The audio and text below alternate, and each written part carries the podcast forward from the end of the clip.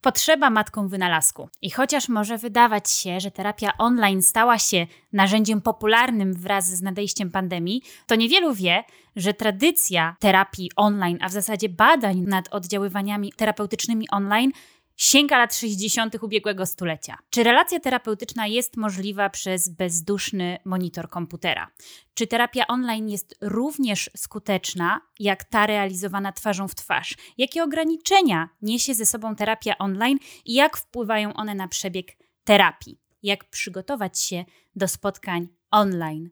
Na te i wiele innych pytań, a przede wszystkim na wszystkie te pytania, które Państwo biorący udział w tym webinarze na żywo pragniecie nam zadać, będę rozmawiać z moją i Waszą dzisiejszą gościnią, Beatą Banaszak, psycholożką, certyfikowaną psychoterapeutką poznawczo-behawioralną, a od niedawna także moją nową współpracowniczką w Klinice Terapii Poznawczo-Behawioralnej Uniwersytetu SWPS.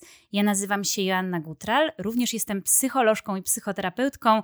Cześć Beato, dobrze Cię widzieć. Cześć Cześć Asiu, witam Cię serdecznie, witam też Państwa i bardzo dziękuję za zaproszenie. Beata, powiedz, czy Ty pracujesz online? Owszem, Pracuję online, e, to prawda, natomiast myślę sobie o tym, że w samym określeniu psychoterapia online jest pewnego rodzaju niejasność, a właściwie wieloznaczność terminologiczna. Jeśli nie miałabyś nic przeciwko, to może bym e, chwilkę o tym, żeby później też, żebyśmy gdzieś miały jasność w toku spotkania, mówiąc o, o psychoterapii online, żeby też było jasne, co mamy na myśli, e, kiedy używamy tego określenia.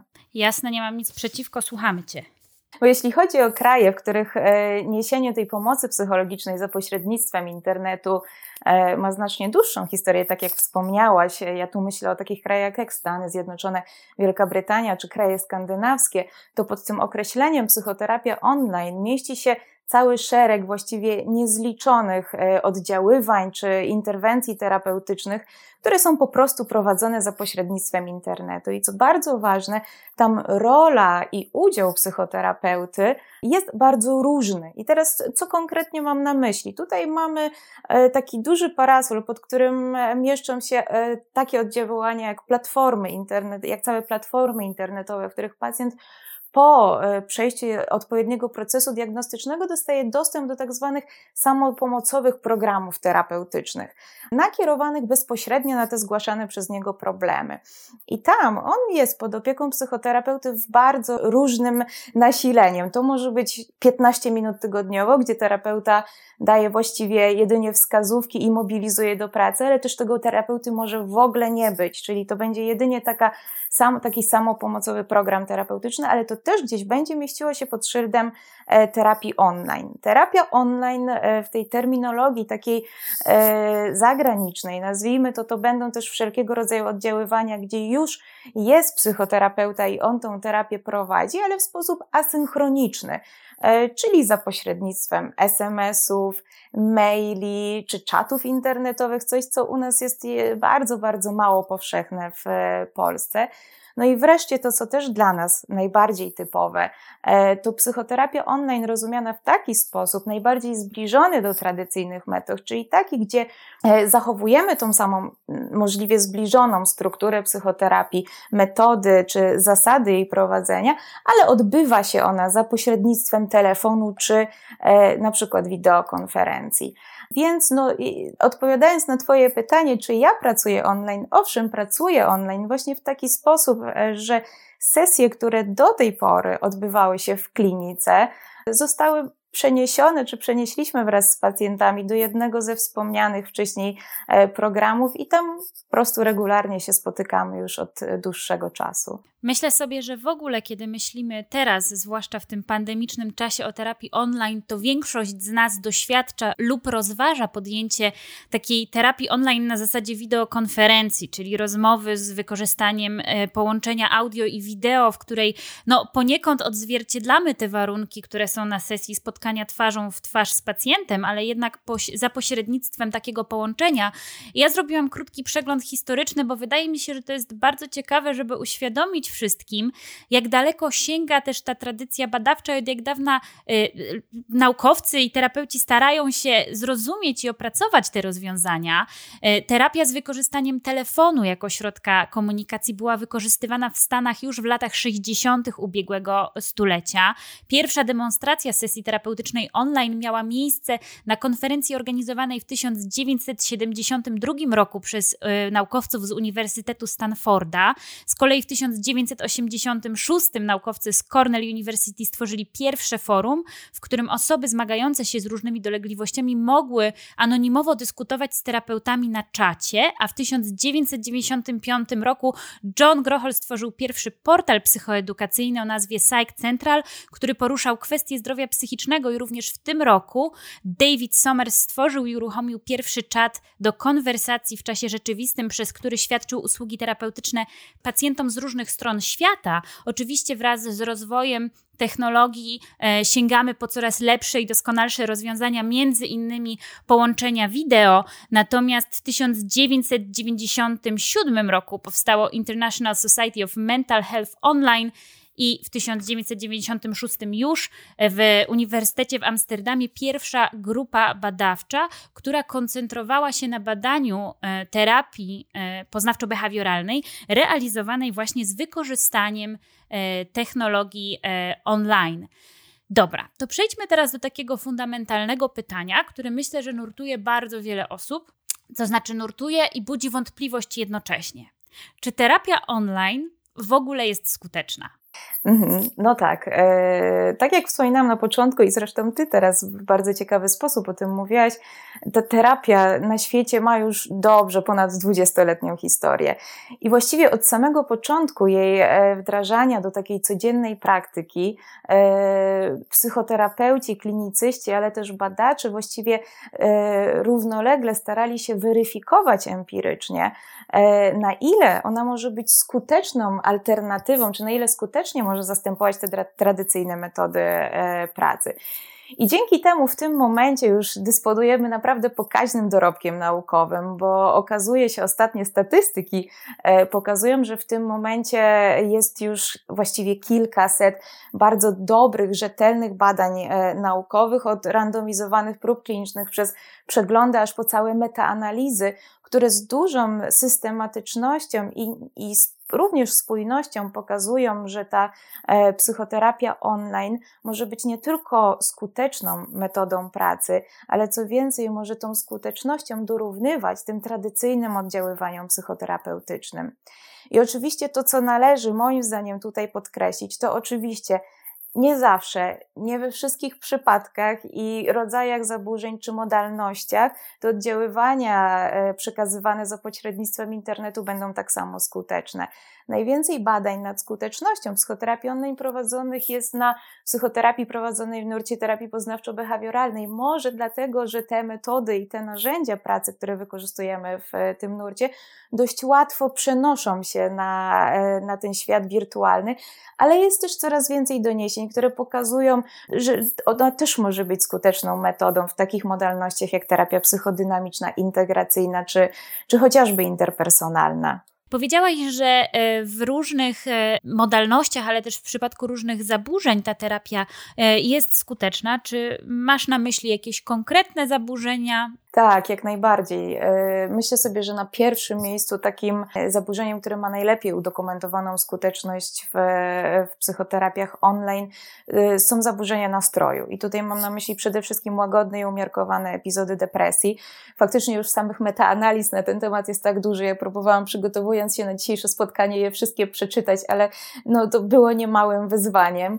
Więc po pierwsze zaburzenie nastroju, po, po drugie zaburzenia lękowe oczywiście. Tutaj przede wszystkim takie zaburzenia jak PTSD, agorafobia, e, napady paniki, E, i OCD. E, sporo jest też doniesień i już też metaanaliz, które mówią o leczeniu bezsenności, zaburzeń seksualnych, zaburzeń odżywiania i wszelkich oddziaływań nakierowanych na pomoc osobom z chorobami somatycznymi. To są metaanalizy, natomiast wiele takich również rzetelnych badań, e, nawet na przykład prób klinicznych, e, dotyczy wielu innych problemów, trudności czy zaburzeń e, psychicznych, ale ciężko byłoby tutaj o nich wszystkich pewnie powiedzieć. Mamy pierwsze pytanie i myślę, że ono jest bardzo interesujące. Czy wideo jest istotne podczas terapii online? Pyta o to Lexi, w nawiasie dodaje mowa niewerbalna, miny, gesty i tak dalej. Ja myślę sobie, że jest bardzo potrzebna, że w mojej ocenie to jest e, przewaga e, bardzo ważna e, psychoterapii prowadzonej za pośrednictwem wideokonferencji niż na przykład w rozmowach telefonicznych, bo jednak chociażby twarz, która jest tak naprawdę głównym źródłem informacji o emocjach.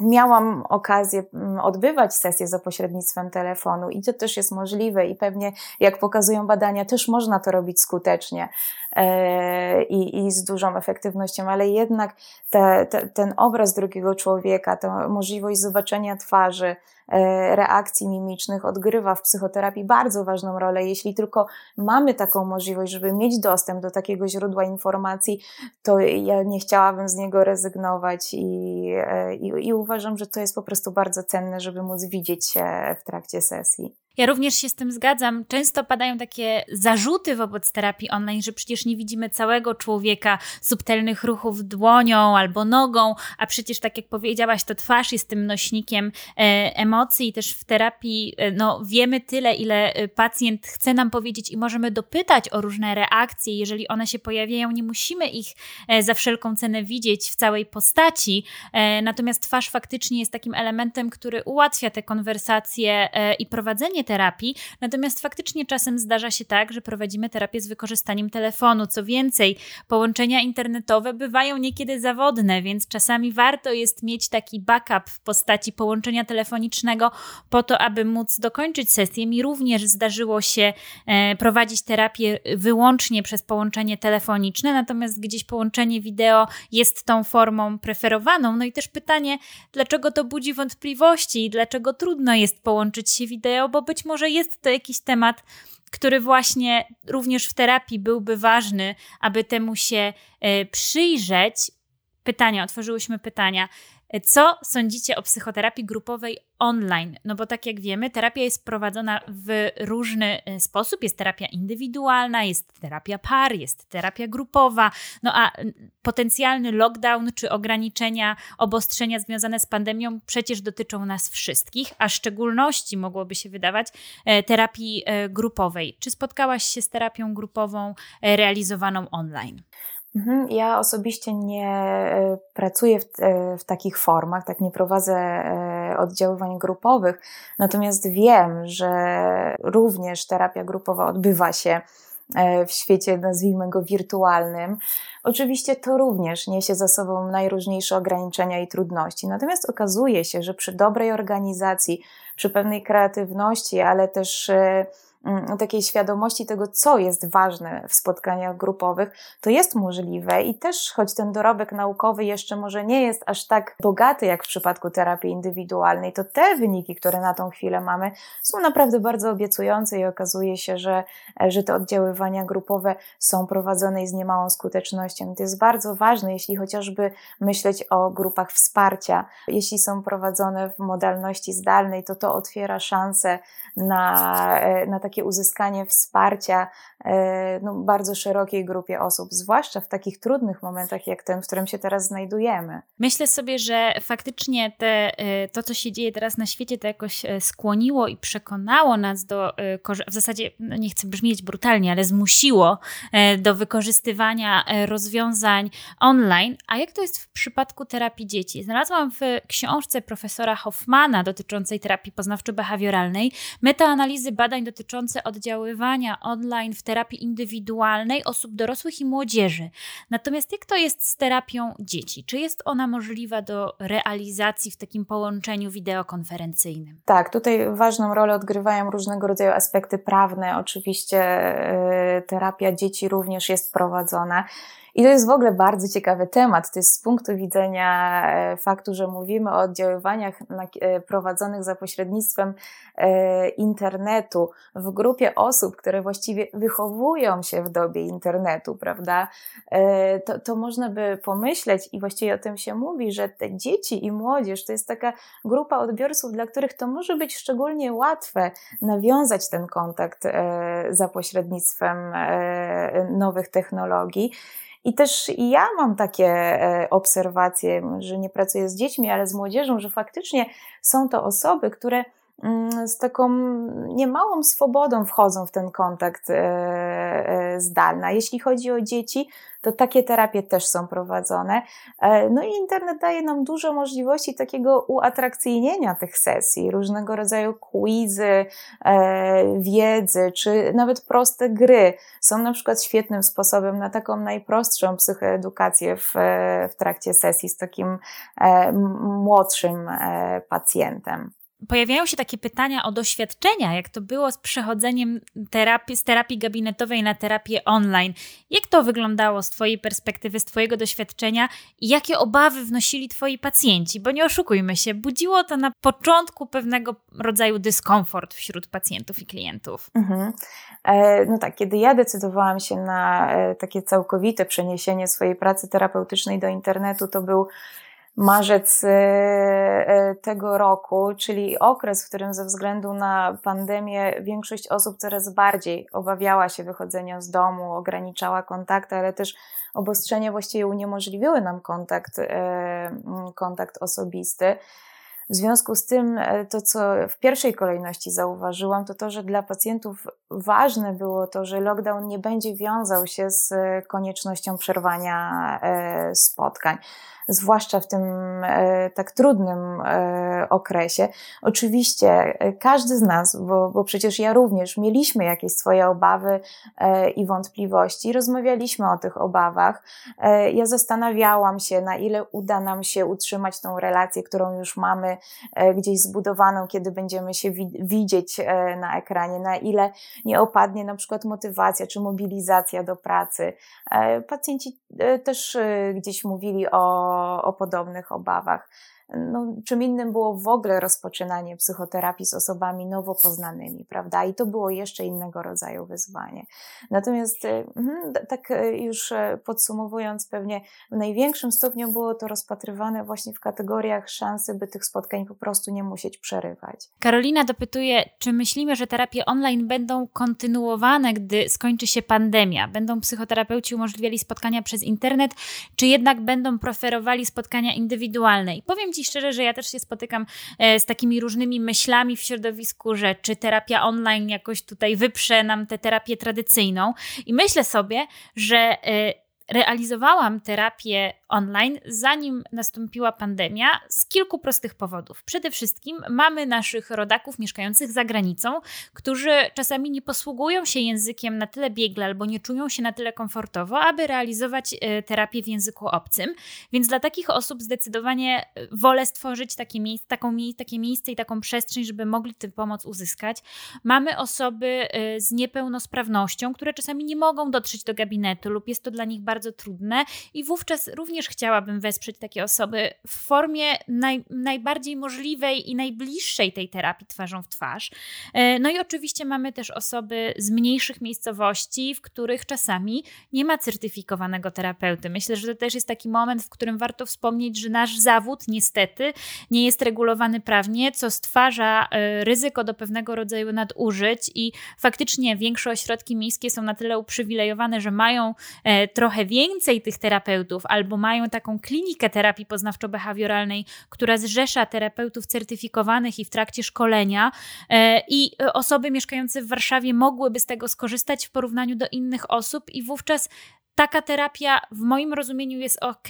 Co więcej, w 2017 roku zrealizowano takie badanie wśród terapeutów zrzeszonych w naukowej sekcji psychoterapii Polskiego Towarzystwa Psychiatrycznego, gdzie 77% z nich zadeklarowało gotowość do realizacji terapii online, a 38% powiedziało, że ma za sobą takie doświadczenie w ściśle określonych warunkach, czyli między innymi tych, o których wspomniałam, Polacy mieszkający za granicą, osoby z niepełnosprawnością, osoby z mniejszych miast, które nie mają mają innych możliwości, więc E, z mojego punktu widzenia chciałabym to w takiej formie pozostawić, e, że faktycznie ta terapia online jest dostępna dla osób, e, których sytuacja życiowa jest w jakiś sposób szczególna i jest to jedyne możliwe rozwiązanie, natomiast nie wyobrażam sobie całkowitej rezygnacji z pracy gabinetowej. Jak to wygląda u Ciebie? Ja też y, myślę, że w aż tak dużym stopniu e, po zakończeniu e, pandemii e, psychoterapia nie będzie prowadzona zdalnymi metodami, właśnie ze względu na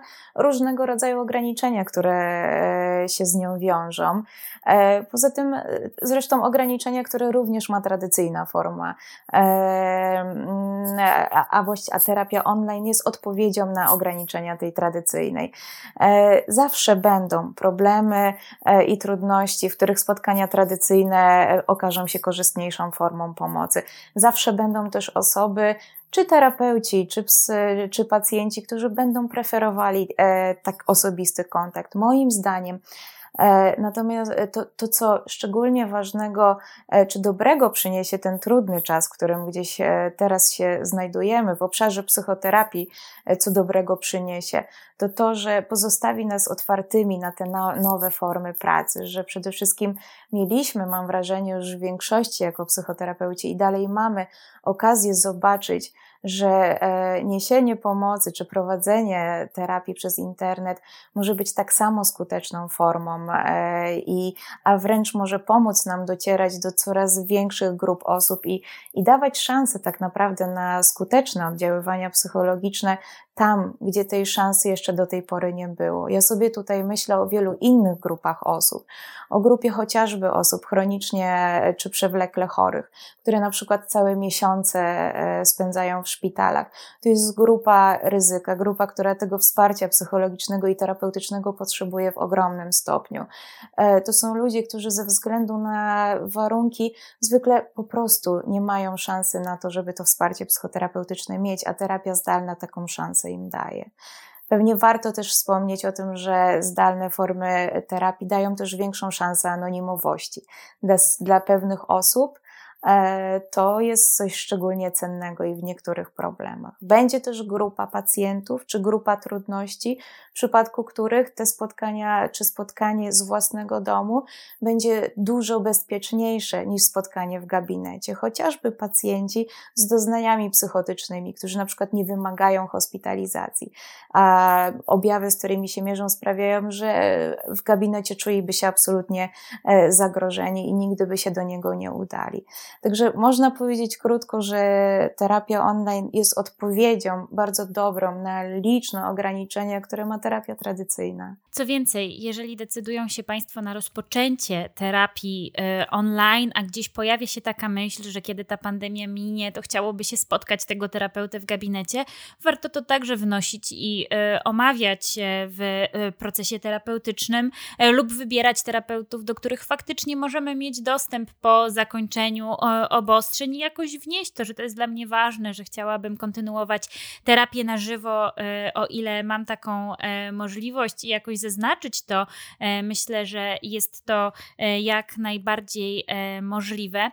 E, no dobra, ale pojawiła się we mnie jeszcze taka druga myśl, e, że w momencie, kiedy dostrzegamy te plusy wynikające też z terapii e, online i przy braku obostrzeń dotyczących naszego zawodu, regulacji prawnych, no to mm, ja przynajmniej śledzę taki trend pojawiania się dużej ilości psychobiznesów, które reklamują się hasłami psychoterapia idealna dla ciebie, psychoterapia lekka, łatwa i przyjemna, psychoterapia psychoterapia bez wychodzenia z domu. Czy to faktycznie jest tak, że psychoterapia online z jakichkolwiek powodów miałaby być istotnie lepsza niż psychoterapia realizowana twarzą w twarz i istotnie łatwiejsza? No, lepsza może być w tych przypadkach, chociażby o których wspomniałyśmy, czy łatwiejsza e, dla pewnych grup osób może będzie łatwiejsza, natomiast e, jeśli myślimy o psychoterapii online w takim formie, o której powiedziałyśmy na początku, że przede wszystkim główną różnicą jest to, że spotkania przenosimy do świata wirtualnego, a nie spotykamy się osobiście, to te pozostałe różnice nie są wcale aż tak bardzo duże. Czyli terapia ma tą samą strukturę, te same zasady, te same metody, narzędzia, na ile oczywiście to jest możliwe, e, bo, bo nie, te, pewne różnice też będą, metody i narzędzia pracy.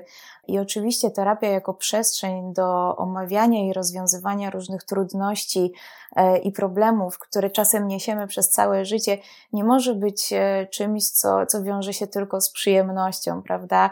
I, I tego nie ukrywamy, że terapia oczywiście są momenty, w których się śmiejemy, żartujemy i, i poczucie humoru, jak się okazuje, jest bardzo skutecznym narzędziem terapeutycznym ale terapia to też miejsce, w którym może być ciężko, w którym e, rozmawiamy o rzeczach trudnych. Czasem podnosimy tematy, które nie były poruszane przez wiele, wiele lat, a wiemy, że gdzieś były w nas, czy, czy, czy w nas pacjentach. I, i po prostu musimy je omówić. Więc e, no, niezależnie od tego, czy widzimy się osobiście, czy za pośrednictwem internetu, e, no, terapia bywa ciężką pracą. Pojawiło się pytanie od Damiana, czy istnieją aplikacje na telefon mające służyć zastąpieniu roli psychologa, psychoterapeuty, jak się nazywają, jakie mają wady i zalety. No takie pytania nie odpowiadamy. Myślę, że nie ma takiej aplikacji, która zastąpi psychologa bądź psychoterapeutę. To znaczy, nawet sztuczna inteligencja nie jest w stanie zastąpić terapeuty w relacji terapeutycznej. Natomiast są narzędzia i nie są to mm, sensu stricte narzędzia, które prowadzą proces psychoterapeutyczny. To mogą być narzędzia samopomocowe, y, czyli takie narzędzia, które my sobie sami jakoś uruchamiamy, y, wykonujemy w nich jakieś określone czynności, czy prowadzimy jakąś samoobserwację i no sami możemy dojść do jakichś wniosków. To pomaga nam wykonywać taką pracę własną. Czasami w procesie terapeutycznym terapeuci y, zalecają na przykład wykorzystanie jakiejś aplikacji do samoobserwacji, natomiast ta samoobserwacja jest jakoś omawiana na sesji, jest realizowana w konkretnym celu, który terapeuta omawia i wyjaśnia z pacjentem na sesji. Oczywiście mamy też różnego rodzaju narzędzia czy portale psychoedukacyjne, na których możemy zapoznać się z jakąś literaturą, możemy wykonać jakieś e, ćwiczenie, czy dowiedzieć się jakiejś ciekawostki, natomiast nie będzie to to samo, co proces terapeutyczny. Jeżeli pytacie mnie o polecenia, e, ja często korzystam z Dailyo, to jest taka aplikacja do monitoringu nastroju i fajnie ją można wykorzystać w procesie terapeutycznym oraz moje ostatnie super e, odkrycie, bardzo behawioralne, bardzo e, wspierające zmianę nawyków, e, Habitika, bardzo polecam e, ściągnąć sobie na telefon, e, świetna zabawa. Masz jakieś swoje ulubione aplikacje, czy w ogóle nie korzystasz z aplikacji? Jak Ci się udało przenieść te wszystkie materiały, z których korzystamy na sesji twarzą w twarz do tej wirtualnej rzeczywistości? Powiem za chwilkę o tym, natomiast odpowiadając na, jeszcze na chwilę na, na tą pierwszą część Twojej wypowiedzi, czytałam ostatnio bardzo ciekawe badanie, które porównywało skuteczność tych samo, samopomocowych programów terapeutycznych, które były wspomagane przez psychoterapeutów, E, czyli pacjent miał poza uczestniczeniem w e, programie samopomocowym za pośrednictwem aplikacji i platformy dostęp do psychoterapeuty, z takimi oddziaływaniami, w których miał tylko i wyłącznie dostęp do programu samopomocowego. I tu też już metaanalizy, czyli cała grupa badań pokazuje, że jednak te formy oddziaływań, w których pacjent jest wspomagany przez psychoterapeutę, czyli ta, te oddziaływania uzupełnione są jednak przez kontakt z człowiekiem w roli terapeuty, są istotnie skuteczniejsze niż samo uczestniczenie w e, takich interwencjach e, Mm, za pośrednictwem e, aplikacji czy platform internetowych. Natomiast odpowiadając już na Twoje drugie pytanie, oczywiście ja bardzo czerpię z internetu. Niestety większość stron, które są bardzo pomocne, to są strony angielskojęzyczne, więc to wymaga tłumaczenia tego na język, na język polski, ale jest świetna strona Psychology Tools, która jest dla mnie na przykład bardzo fajnym źródłem informacji czy takich materiałów do psychoedukacji. Ja też wykorzystuję chmury, dyski internetowe po to, żeby razem z pacjentami tworzyć gdzieś różnego rodzaju materiały, które później mogą być przez nich wykorzystywane. Więc no, też różnego rodzaju filmy, no, nie, nie ukrywajmy, że YouTube jest bardzo ważnym źródłem informacji i, i takich materiałów edukacyjnych, więc no internet faktycznie jest bardzo bogatym źródłem takich wspomagających materiałów i na pewno warto je wykorzystywać. No, psychoterapia nie jest jakąś nauką oderwaną od rzeczywistości. No, wraz z rozwojem tych technologii e, terapeuci również się do nich e, przekonują i korzystają. I tak jak wspomniałaś na początku swojej wypowiedzi, akurat te narzędzia wykorzystywane w psychoterapii poznawczo-behawioralnej e, są adaptowalne na te technologiczne rozwiązania w sposób także przyjemny dla użytkownika. Natomiast prace osobiste są też istotną częścią prowadzenia terapii poznawczo-behawioralnej i fajnie fajnie, że możemy e, korzystać e, z takich e, rozwiązań online. Pojawia się też pytanie o takie aspekty etyczne, na przykład udział osób trzecich, poufność informacji, przestrzeganie kontraktu. Jak to wygląda w pracy online? Ja myślę sobie, że tutaj warto przede wszystkim powiedzieć o tym, że niezależnie od tego, czy widzimy się tradycyjnie, czy widzimy się wirtualnie, to nas jako psychoterapeutów zawsze obowiązuje kodeks etyczny, kodeks etyczny danego towarzystwa, do którego przynależymy. Więc tutaj e, te podstawowe i najważniejsze zasady się e, absolutnie nie mogą zmieniać i to pacjent powinien mieć zagwarantowane. Oczywiście my też chcielibyśmy mieć to, to poczucie, że po drugiej stronie faktycznie jest pacjent, a nie kilka innych osób. Chodzi o, o wzajemny szacunek i jakieś wzajemne zaufanie do siebie. Jeśli chodzi o aspekty etyczne, to to jest na pewno bardzo ważne poruszyć temat bezpieczeństwa w sieci w ogóle. I, tutaj to, do czego ja bym zachęcała, to do tego, żeby wybierając też e, czy psychoterapeutę, e, czy mm, poradnię, w której będzie odbywać się psychoterapia online, upewniać się, że te platformy, które są wykorzystywane do terapii, są w odpowiedni sposób szyfrowane, właśnie po to, żeby unikać takich sytuacji, że informacje, które przekazujemy sobie na spotkaniach w jakiś sposób niedozwolony są wykorzystywane wykorzystywane czy e, gdzieś e, przekazywane do tej wirtualnej rzeczywistości.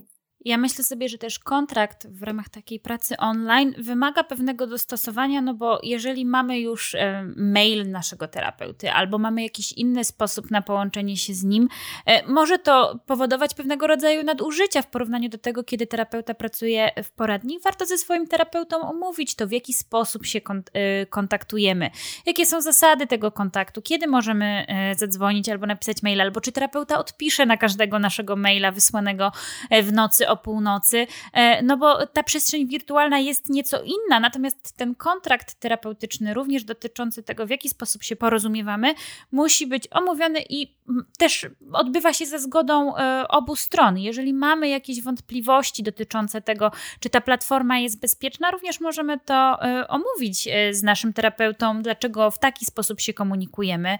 Myślę sobie, że komunikacja z wykorzystaniem Facebooka lub takiej platformy mediów społecznościowych, która niekoniecznie służy tylko i wyłącznie komunikacji, nie jest dobrym pomysłem. Ale tak jak powiedziałaś, większość e, terapeutów e, e, certyfikowanych i zrzeszonych w towarzystwach przestrzega kodeksów etyki i także wynika to no, z ich obowiązków zawodowych, aby, te aby te, to bezpieczeństwo zapewnić. No i gabinety, poradnie, terapeuci, którzy pracują na rynku od lat, również przenoszą się w tę wirtualną przestrzeń i warto sprawdzić, sprawdzić zarówno kwalifikacje, jak i rekomendacje, e, jak i od jak dawna to miejsce e, funkcjonuje, albo jak, e, jakie organizacje za tym miejscem stoją, żeby wybrać terapeutę, który też wie, co robi, powiem bardzo ogólnie. Dobra, ale mam jeszcze takie pytanie, bo będziemy powoli się zbliżać do końca naszego dzisiejszego spotkania. Kiedy realizujemy terapię online, no to nie ukrywajmy, teraz w większości realizujemy ją z domów. Ja teraz jestem u siebie w domu, nie wiem jak ty, czy masz ten przywilej, żeby pracować z jakiegoś e, gabinetu. Natomiast no czasami życie, skoro jesteśmy w domu, wdziera się do naszych e, e domów, gabinetów, które teraz pełnią rolę gabinetów. E, sąsiad akurat wierci w ścianie, albo kurier spóźniony puka do drzwi. E, czy zaburza to proces terapii i czy zdarzały się Tobie takie przygody w czasie sesji? Ja chyba bym zaczęła od tego, e, że, no, że naszym obowiązkiem jako psychoterapeutów i e, profesjonalistów jest ograniczyć takie ryzyko do minimum, czyli zacznę może od tego, że, że faktycznie naszym zadaniem jest zadbać o strukturę i warunki terapii, takie, które będą możliwie najbardziej zbliżone do tych w gabinecie. Natomiast oczywiście różne rzeczy dzieją się w sposób absolutnie e, nieprzewidywalny. I ja, ja pamiętam sytuację, kiedy przyszedł e, do mieszkania pan e, zweryfikować, czy wentylacja odpowiednio działa. I pan mówił tak głośno, że pomimo tego, że ja byłam za zamkniętymi drzwiami, to obie z pacjentką Dokładnie, słyszałyśmy o czym Pan rozmawia. Na szczęście szybko wyszedł. Ja bardzo przepraszałam e, moją pacjentkę za tę sytuację. Troszkę pożartowałyśmy, no i wróciłyśmy do tematu, który poruszałyśmy wcześniej. I myślę sobie, podsumowując, że jeśli takie rzeczy dzieją się sporadycznie, e, a nie są normą, to one nie będą zaburzać tego procesu terapeutycznego. Może wręcz pokażą troszkę ludzką stronę psychoterapeuty, ale na pierwszym miejscu to naszym obowiązkiem jest zadbać o to, żeby takie rzeczy działy się możliwie jak, e, jak najrzadziej, ale też poprosić pacjentów o to, żeby z ich strony było podobnie. To przechodzimy teraz do takiego ważnego pytania, jak w ogóle przygotować się do tej sesji online, bo absolutnie zgadzam się ze wszystkim tym, co powiedziałaś, że staramy się stworzyć taką atmosferę, no, że jakoś no, nie w piżamie jednak te sesje e, realizujemy jako terapeuci, e, że jest to pewnego rodzaju praca terapeutyczna, którą staramy się e, trochę zamodelować na taką pracę twarzą w twarz. Mi ostatnio włączył się odkurzacz i nie potrafiłam go wyłączyć, to naprawdę było bardzo stresujące dla mnie, natomiast bardzo zabawne dla mojej e, pacjentki. Natomiast faktycznie są rzeczy, których nie przewidzimy, ale myślę sobie o tym, że jeżeli pracujemy e, z domu, zarówno jako terapeuci, jak i pacjenci, to zadbanie o prywatność tej rozmowy jest e, naszym obowiązkiem. E, zadbanie na przykład o słuchawki, po to, żeby to, czym dzieli się pacjent, nie dotarło żadnym sposobem do uszu e, osób trzecich. To też takie uprzedzenie domowników, że teraz pracuję i e, albo teraz odbywam sesję terapeutyczną i jakoś, jeżeli można, to przez ten najbliższy czas pod żadnym pozorem nie wchodzić, nie przeszkadzać, nie pytać, co będzie na obiad, e, ani żadne tego typu e, inne e, pytania. No i też zdarzają się takie sytuacje, zwłaszcza w tym pierwszym lockdownie, kiedy ktoś no, został w domu nie tylko sam ze sobą, ale właśnie ze swoimi domownikami, z dziećmi, które czasem płaczą, które czasem czegoś potrzebują, które czasem nie rozumieją, że to jest sesja terapeutyczna i zdarzało mi się e, zgadzać na to, że pacjent e, wychodził na przykład do ogrodu i tam realizował sesję, e, albo do samochodu, gdzie to była jedyna przestrzeń, w której faktycznie mógł zadbać i o swoją prywatność, i o komfort, i o takie bycie pozostawionego samemu sobie.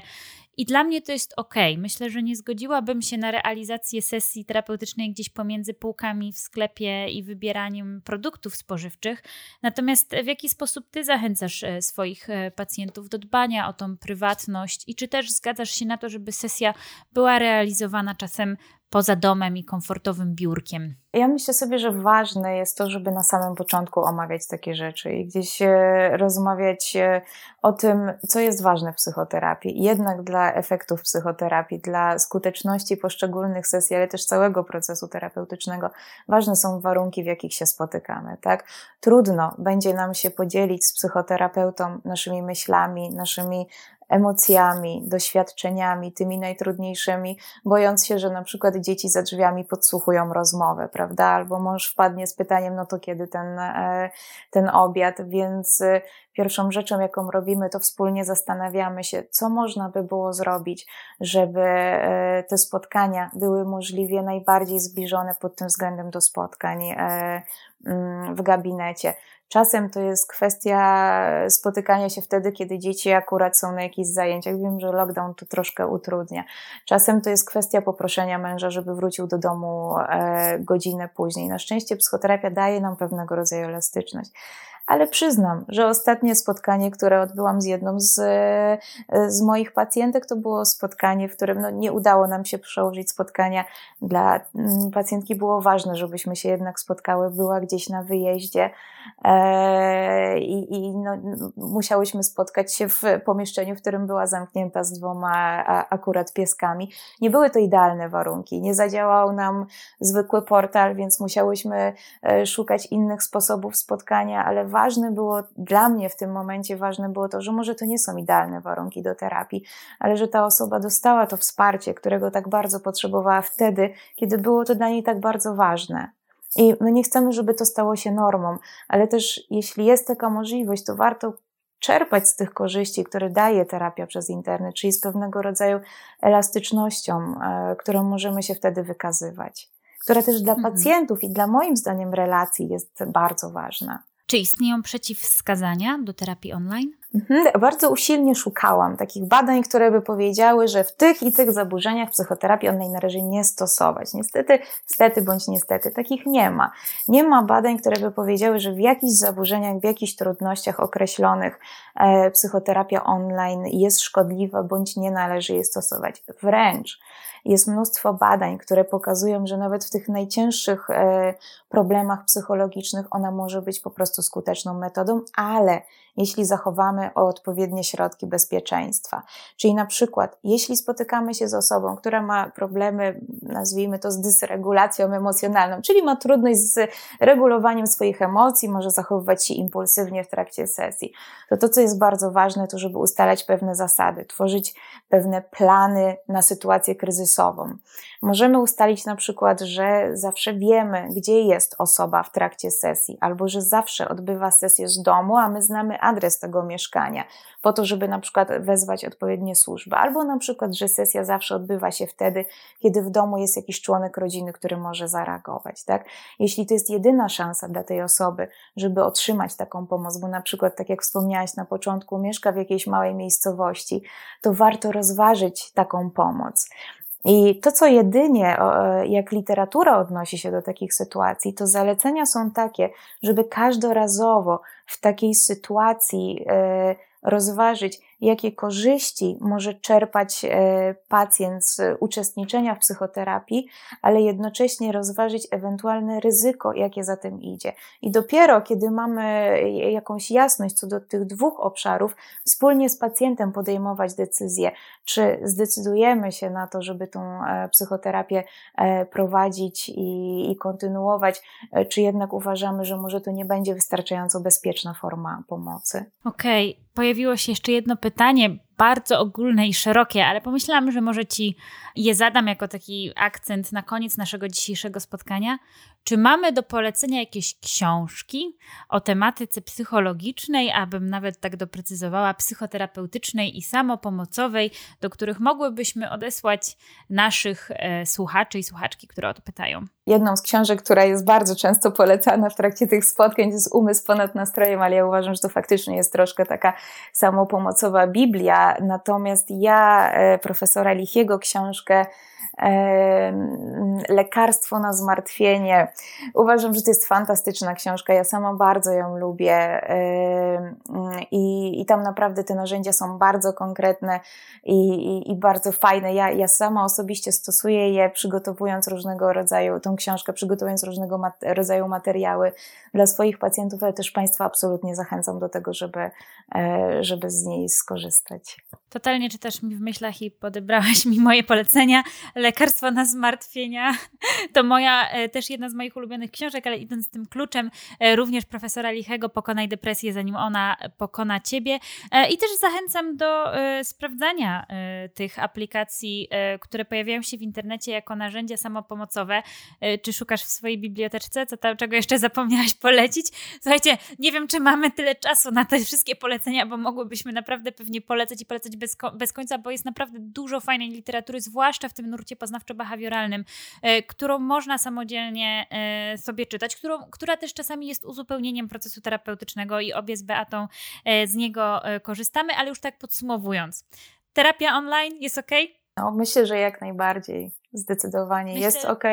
Nie zawsze, nie we wszystkich przypadkach, nie we wszystkich problemach, ale może być jak najbardziej bardzo, bardzo fajną alternatywą i dobrą i skuteczną terapii tradycyjnej zwłaszcza w obecnych warunkach. Absolutnie. Dziękuję wszystkim Państwu, e, którzy byli z nami na żywo za udział. Dziękuję Ci bardzo, Beata, za to spotkanie. Było bardzo miło Cię widzieć, zwłaszcza, że teraz nie możemy spotykać się na żywo, więc dobrze było Cię widzieć e, online. Moją i Waszą gościnią była Beata Banaszak, psycholożka, certyfikowana psychoterapeutka poznawczo-behawioralna z Kliniki Terapii Poznawczo-Behawioralnej Uniwersytetu SWPS. Dziękuję Państwu bardzo serdecznie. Do usłyszenia. Ja również bardzo dziękuję za zaproszenie i wszystkie ciekawe pytania, na które miałam okazję e, odpowiedzieć. Asiu, Tobie też dziękuję, było mi bardzo miło.